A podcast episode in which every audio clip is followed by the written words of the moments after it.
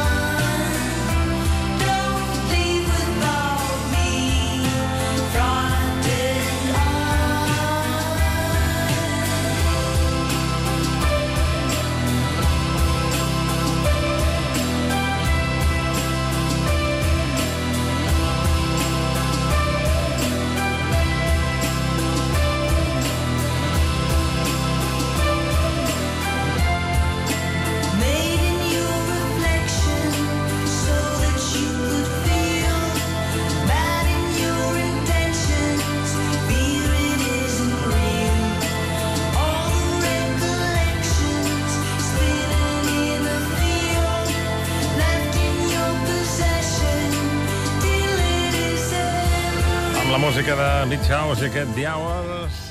Ara encara falten hores